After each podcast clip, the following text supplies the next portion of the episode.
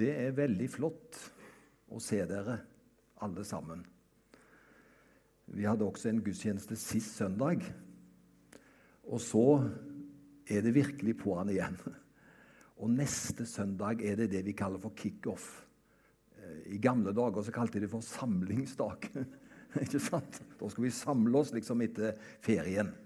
Men da markerer vi også at vi er, vi er i gang enda mer til det, til det vanlige. da. Og det er Noen som har spurt hvordan går det å samles barn. Men barn har ikke én-meter-regelen. De under 20 år er løst ifra den regelen med én meter. Men vi over 20 vi skal ha den meteren i avstand. Unntatt om vi er i vår egen familie, da. Så da vet vi det, og vi er velkommen til, til da neste søndag. Før jeg begynner å tale, og de sangene vi har hatt nå, 'Jeg vil gå dit du går' Det er egentlig, Og første sang vi sang også, 'Om du er tøff nok', det, det, det streifer det jeg skal tale om i dag. Så det er veldig bra. Ser dere det bildet som kom opp på veggen der? Det har jo vært, så jo det har vært i noen få minutter siden jeg kom opp. Det er et bilde som kanskje skal begynne hver tale med denne høsten. For det er et bilde som forteller noe av det som vi ønsker framover nå. Derfor står de største bokstavene det er efterfølgelse. Og det er jo det Gud har kalt oss til å være efterfølgere av Jesus Kristus. Vi er liksom ikke klubbmedlemmer. Eh, vi er ikke med i noe sånt, men rett og slett det var det Jesus sa. Følg meg. Og Det er det som det dreier seg om. Vi skal være efterfølgere. Og så står det med litt mindre tekst, men dere kan sikkert lese det. Sammen. Altså vi skal stå sammen for indre og ytre vekst. Så begge disse delene må være til stede. Hvis det virkelig skal bli vekst, da må det også bli en vekst innover. Det må skje noe med oss angående efterfølgelse og Jesus som Herre. Og så vil det også føre til at vi er i funksjon for Herren, og så gir det også en ytre vekst. Så Da forstår dere litt bakgrunnen for det. Så Jeg, jeg kommer til å tale mye denne høsten om å være en efterfølger av Jesus. Og hva det betyr, og hvilke konsekvenser det får. Eh, og da skjønner du, Det står da som et første bilde. Og Så går vi da til talen i formiddag. For i formiddag skal jeg rett og slett tale om modig. Og eh, Jeg tenkte på det når jeg, eh, når jeg sto rett før jeg skulle opp her nå og tale. Så tenkte jeg på at jeg, i dag har jeg enda mer lyst å tale til ditt hjerte enn til ditt hode. Altså, Vi må alltid ha hodet med oss. Men hvis jeg skal liksom må velge, så har jeg lyst i dag å tale til hjertet ditt. Fordi det er så mye vi får med oss. Og det er lettere å legge det fra oss vet du, hvis det bare er til, til huet vårt. Men hvis det griper hjertet vårt, da stikker det dypere. Og da kan det få enda bedre konsekvenser. Og det håper vi. Så jeg, jeg håper at det jeg skal si i dag, at jeg kan si noe om det, og at det taler til mitt hjerte, og at det kan tale til ditt hjerte. Og da er det om å være modig som er tema for min tale, ut ifra efterfølgelse, men det å være modig. Har du kjent på følelsen? av å gå ut i ukjent farvann. Kjenne pulsen stige, være klam i hendene og lure på om du skal våge å ta utfordringen som ligger foran deg. Har du kjent noe på dette noen ganger hvor du opplever tør jeg dette? Det er liksom utenfor min komfortsone. Tør jeg det? Har du følt på usikkerhet og undret på om du vil mestre det som venter deg? det handler om å være modig. Hvis du aldri gjør nye ting på en måte hvor du blir litt utfordret, ja, da krymper musklene inn. Men hvis vi tar noen sånne skritt, for å bruke det bildet med muskler, da blir musklene større. Og I dag vil jeg dvele litt ved begrepet modig. Trenger vi å være modige? Eventuelt når er det aktuelt for oss å være modig? Ordet 'modig' står 14 ganger i Bibelen. Oppfordringen er klar. Og Jeg skal bare lese to av disse stedene. Det står i Josvas bok, det første kapittelet. Eh, der eh, står det, og det er Josva som får høre det, og han trengte virkelig å høre at han måtte være modig for kjempen av alle kjemper, Moses, som virkelig hadde ført folket ut og var den store lederen for dette folket. Han var død. Og nå var det en ung mann som skulle være lederen videre. Og da gikk det an å bli veldig liten og usikker og lure på hvordan skal dette gå. Og Derfor er det han som får høre det, for han trengte det. Men i dag så trenger vi det alle. Og Derfor er det et ord til oss alle, men det står i Josva 1,7 og fortsatt kapittel 1, vers 9. Og jeg bare leser de to versene. Vær bare sterk og overmåte modig, så du tar deg i vare, så du gjør efter hele den loven som en tjener Moses bød deg. Vik ikke fra den, verken til høyre eller til venstre, for at du kan ferdes viselig overalt hvor du går. Og så var det vers 9. Har jeg ikke befalt deg, vær sterk og modig. Vær ikke redd, og bli ikke forferdet, for Herren din Gud skal være med deg overalt hvor du går. Er ikke det flott? Overalt hvor han skulle gå. Så vi kan løfte om at Herren skulle være med han. Nå skal du få en definisjon på ordet modig. Det er å være uredd. Det er å være i stand til å gjøre noe man er redd for. Det er å være villig til å trå utenfor komfortsonen. Det er å tørre å gjøre noe som du ikke har gjort før. Og Da skal du få også høre hva er det motsatte av modig. Og Derfor ønsker vi jo ikke å være motsatt av modig, for vet du hva det er? Det er feig. Det er unnvikende. Det er neglisjerende. Jeg vil gjerne ta opp første ordet igjen feig. Det er motsatt av modig. Og så oppfordrer Bibelen oss til å være modige. Og det kan være krevende. Men det er alltid slik at hvis vi følger Bibelens råd, så vil det gi langt mer enn det det koster. Men det kan koste noe. Men det vil gi langt mer enn det det koster. For Herren har ikke meningen til å legge tilleggsbyrder på oss som vi ikke klarer å bære. Livet er jo nok krevende i seg sjøl om vi ikke skulle få tilleggsbyrder også. Men derfor kan det være godt å få noen råd med på veien hvordan vi kan håndtere livet og tilværelsen. Og I dag så vil jeg oppmuntre deg å være modig. Og jeg vil oppmuntre deg til å være modig på tre områder. Når jeg gikk på seminar og skulle leke og preke, så sa de en god preken har tre punkter. Innledning, tre punkter og avslutning. Predikanter har gått langt ifra det i dag.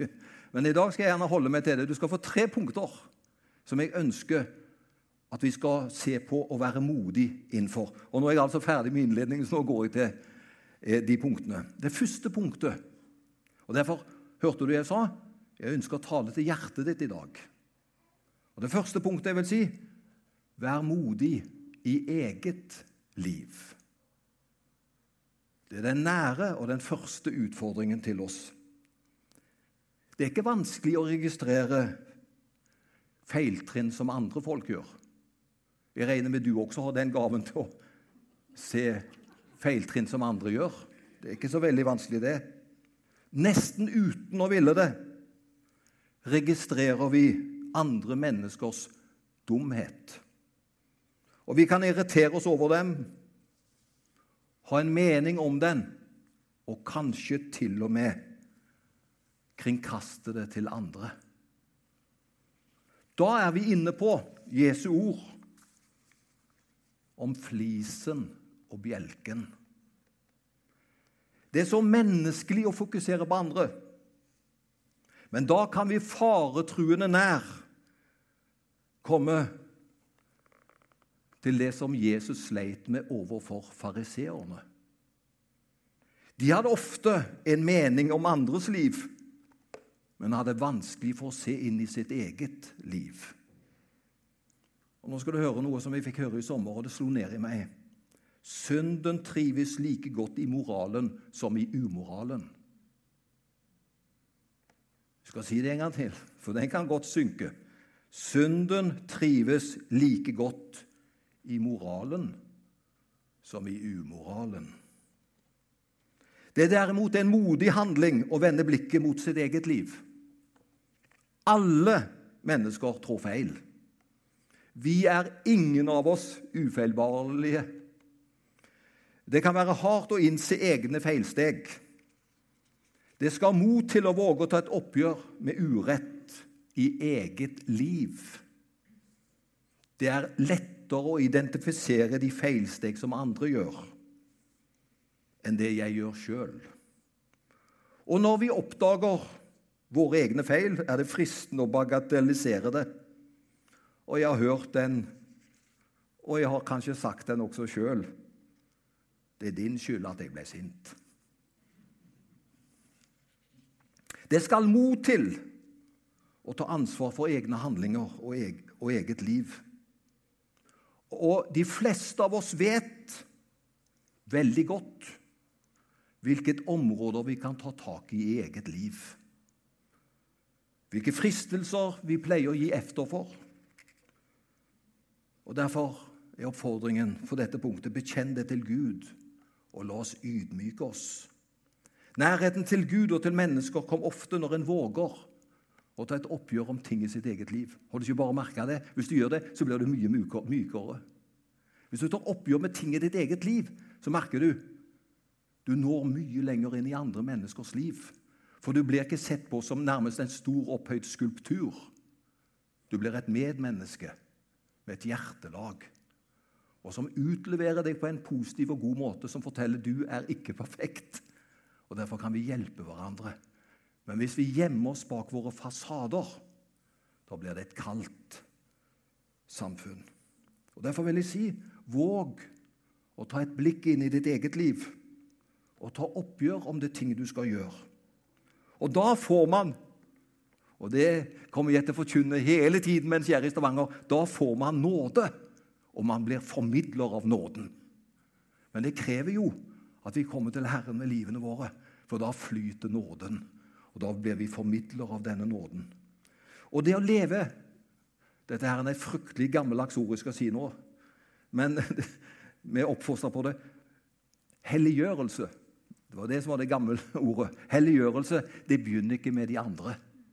Helliggjørelse, som betyr å ligne mer og mer på Jesus, det begynner i eget liv.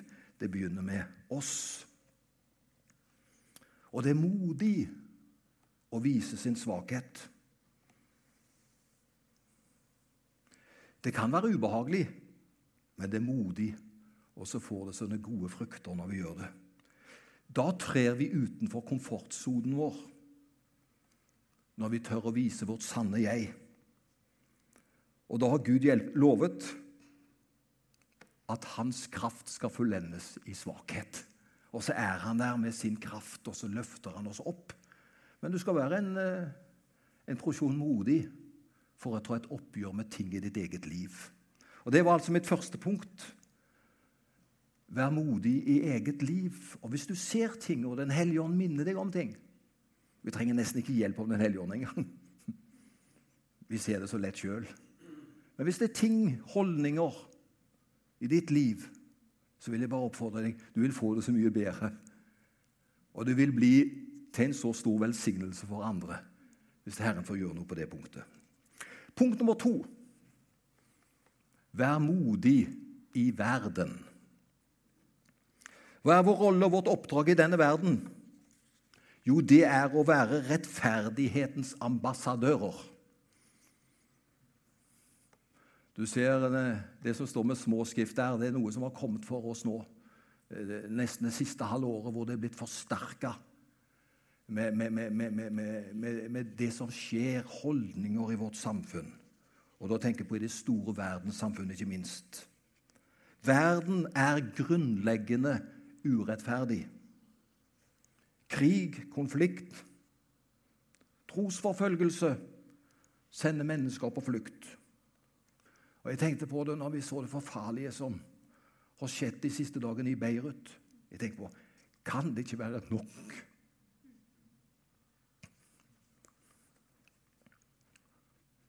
Av lidelser som et folk og barn må gå gjennom. Verden er grunnleggende urettferdig. Og det finnes rasisme, nedlatende holdninger til mennesker f.eks. med mørk hudfarge. Og det finnes i Norge, og det finnes i Stavanger. Alle kjenner til at rasisme nå har fått et nytt ansikt og søkelys den siste tiden. Tenk at det fortsatt henger igjen at pga. hudfarge så marginaliseres og stigmatiseres mennesker. Vi skal stå opp for rettferdighet og mot urettferdighet. Det trengs noen som roper ut, som tør trø ut av komfortsonen. La oss være modige. La oss ikke godta den urett som ikke rammer oss selv. Og Jeg har lyst i dag også løfte opp et navn som virkelig er en ambassadør i det å være modig i verden. Det er jo Arne Viste. Det var en gudstjeneste i kirken som hadde solidaritetsgudstjeneste som tema og hvor Arne var til stede. Han var jo her som gjest i vår menighet også før.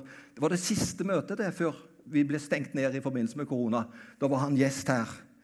Og eh, vi vet at han har stått opp for de papirløse asylsøkerne som har fått avslag i Norge. Og så var det en slik solidaritetsgudstjeneste for ikke veldig lenge siden i Imi kirke.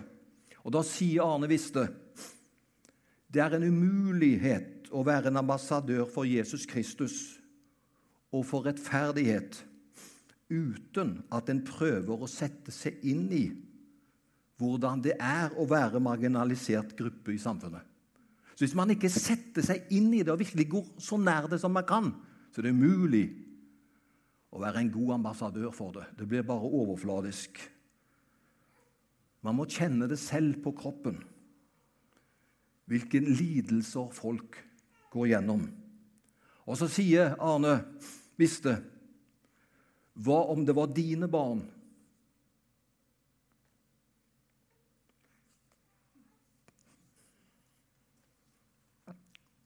Som ble tråkket på pga. hudfargen. Det var dine fire barn. Hva om du måtte legge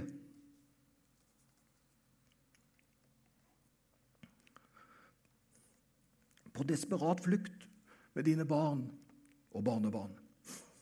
Hva om du måtte kjenne sulten så gnagende og se dine nærmeste sulte? Det er så nær vi kan tenke oss det, som å ligge i bunnen for at vi virkelig kan stå opp mot urettferdighet. For da skjer det noe. Det engasjerer oss. Og det er jo eh, Unnskyld at jeg sier det, men vi skal jo være ærlige i dag og gå fra hjerte til hjerte. Jeg syns det er så nedsettende og nedverdigende når enkelte flyktninger som kommer til oss, blir Vi moraliserer over det og kaller dem for lykkejegere. Hvilket menneskesyn er det å kalle folk som kommer til vårt land i nytt, ytterst nød, så kaller de de er sikkert kommet her fordi de er lykkejegere. Hva vet vi om hvilke beveggrunner de har? La oss for all del ikke sette oss høyt og andre lavt. For det er jo det vi gjør da. Vi setter oss sjøl høyt, og vi setter andre lavt. Det er jo det motsatte Bibelen oppfordrer oss til. Det er å sette de lave høyt.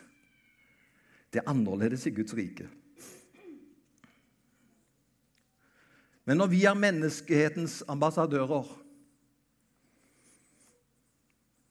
Da blir vi modige i verden. Se det fine bildet. Da setter vi oss selv lavt og løfter opp de stemmeløse. Det kreves mot til å være en som står opp for urettferdighet i verden. Og Det er ikke bare det du sier og gjør, men også det vi lar være å si og gjøre, som er viktig og grunnleggende. Og Ethvert menneske kan ta valg om å være rettferdighetens ambassadører. Og jeg håper de kan si om oss i Misjonskirka vi er rettferdighetens ambassadører. Vi reiser oss opp for det som er rett, og går imot det som er urett. Og Jesus han sier det. Og de lurte på, for Jesus var jo aldri i fengsel. Han, han, han, han, gjorde jo alt annet og ble tatt for alt annet, men han var jo ikke i fengsel. Men så sier Jesus, 'Jeg var i fengsel, og dere besøkte meg.' 'Det ga meg å drikke når jeg var tørst.' Da jeg kledde meg da jeg trengte klær.' Ja, men, sier de, for de var opptatt av sannheten. Ja, men du har ikke vært i den situasjonen, du, sier de, som hadde følt med Jesus. Og Da kommer jo Jesus med svaret, som er vårt svar. Det dere har gjort imot én av disse mine aller minste, det har dere gjort imot meg. Ja, jeg ble litt sånn grepet, men nå tror jeg jeg kommet over det. Det tredje punktet det er å være modig for Jesus. Altså Det første var å være modig i eget liv. Det andre var eh, å være modig i forhold til å stå opp for rettferdighet og mot urettferdighet. Og det tredje punktet er å være modig for Jesus. Før, når du var ung, du som har en viss alder iallfall, så lå majoritetens tanker og holdninger om et godt liv mye tettere de bibelske verdier enn hva tilfellet er i dag. I dag kan det koste mer å fremme de samme verdiene. Det kan koste å flagge troen. Og dersom vi synes at samfunnet i stadig større grad fjerner seg fra de kristne verdiene, er det da ikke feigt å ikke løfte dem fram selv? Ikke sant? Da har du med å se hva de andre gjør. Så glemmer man hva man skal gjøre sjøl. Jeg kan bare si en ting. Jeg har trett ut av politikken. Det var en fireårsperiode i livet mitt. Jeg er ferdig med det. Så jeg er ikke politiker lenger.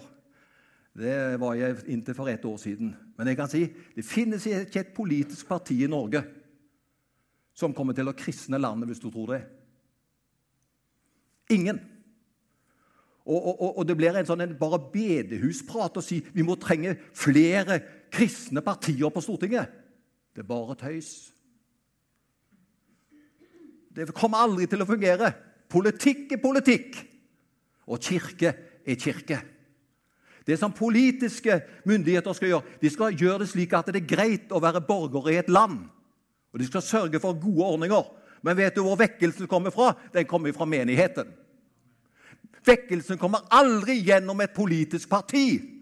Og De kan prøve seg, og vet du hva de vil finne ut når de har vært med i det gamet en stund? Det var ikke så lett allikevel. For det er andre prinsipper i politikken enn det er på bedehuset. Men på bedehuset i kirkene, der skal vi være lys og salt. Der skal vi stå opp for Jesus. Og så ønsker vi jo god politikk, men vi får aldri en politikk som fronter Bibelen. Det kan vi glemme. Og vet du hva? Det var veldig fint de to landene. Nå kommer det rennende seg under online her nå. Det bare kommer. De to landene som du nevnte, det er fantastisk Pakistan og Iran. Hvilke politiske myndigheter har de? Det er ikke mye Kristelig Folkeparti som styrer der. Men du skjønner, Der er det vekkelse. Der er det framgang, for Gud er hevet over politikken. Gud har egne kanaler inn til menneskers hjerte. Og det er de som tror og får oppleve Jesus. Der er det salig, og der kan det skje. Det siste her står ikke i manuset, men jeg har bare lyst til å si det. Men det er vi som skal være frimodige for Jesus. Og Hvis du opplever at samfunnet går i feil retning, da er det kun du og jeg som kan gjøre noe med det. Politikken kan ikke gjøre noe med det. Men vi, vi kan gjøre noe med det hvis det blir en brann i vårt hjerte. Og det ønsker vi skal skje. Og Derfor sier Paulus Dere skal ikke skamme dere over evangeliet, for det er en Guds kraft til frelse for alle som tror. Skam deg ikke for troen. Vær modig for Jesus. Og du vet at Det er jo lettere å være lys under det som er mørkt, for lyset ser lettere. Når, når det er lyst overalt, så er det ikke så lett å se lyset. Men i vår tid så skal det ikke mye til for at lyset vårt ses. For det er grunnleggende mørkt i samfunnet vårt. Og da skal vi stå opp. og Derfor vil jeg oppmuntre deg til å stå opp for Jesus Kristus. Selvfølgelig med visdommen. Det er det vi ikke sier, for visdommen står i kø hos oss. Men vi trenger å reise oss opp for Jesus Kristus. Det står et vers, og det kommer som det, et av de siste. Det kommer faktisk alt nå. I verden vil dere mye, møte mye motgang og mange sorger. Men vær ved godt mot. Jeg har seiret over verden. Det er Hverdagsbibelen pluss. I verden. Det er derfor det er så viktig at vi står opp for Jesus i verden. For ellers i verden så vil dere møte mye motgang og mange sorger. Men vær ved godt mot. Jeg har seiret over verden, jf. Iran og Pakistan og ellers. Det er én som har seiret over verden. Ja, men blir det ikke ille nå, da? Må vi ikke snart stenge dørene nå, da? Nei, vet du hva? Det er tid for å åpne dørene. Det er tid for å virkelig vise hjertelag og evangeliet i den verden Herren har satt oss. Vi skal være lys og salt. Verden trenger lys, og verden trenger salt. Og det skal vi få lov å være med på. Og vi har funnet Jesus, og vi skal få være med å formidle han videre. For alle trenger han. Det var modig, det, på tre punkter. Pluss en innledning, og nå tror jeg avslutningen var i Pakistan. Så da har vi hatt en avslutning også. Men jeg har bare lyst til nå på en veldig enkel måte, siden vi er i koronatider nå. Så i og med at jeg har sagt det, jeg vil tale til hjertet vårt i dag, så vil jeg gjerne utfordre Og vi skal gjøre det så enkelt, men jeg vil si det på den måten. Det har vært tre punkter i dag. Det å være modig, det kan være ting i vårt eget liv. Det er i forhold til verden. ikke sant? Urettferdig og sånt. Og modig i forhold til Jesus. Hvis du merker det, at du trenger at Herren skal legge sin hånd på deg i forhold til dette Og så vil jeg si det Forvent ikke at du skal ta ti mils steg. Men vi kan ta ett steg. Ett steg i forhold til disse tingene. Jeg vil være litt mer frimodig enn jeg er i dag. Det holder å begynne der. Og hvis du ønsker det, går det ikke an å gjøre det sånn at det, Kan ikke du reise deg opp og stå, du som ønsker det, så ber vi en bønn. Og så er det ikke noe press. Sitt så mye du vil. Men hvis det er noen som merker det at du vil gi en respons, så det er en fin måte å gi respons på. Da kan du stå, og så skal vi be kort etterpå for hverandre.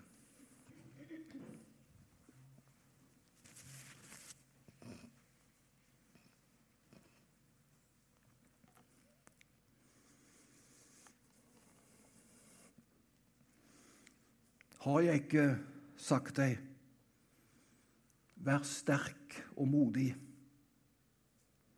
Vær ikke redd.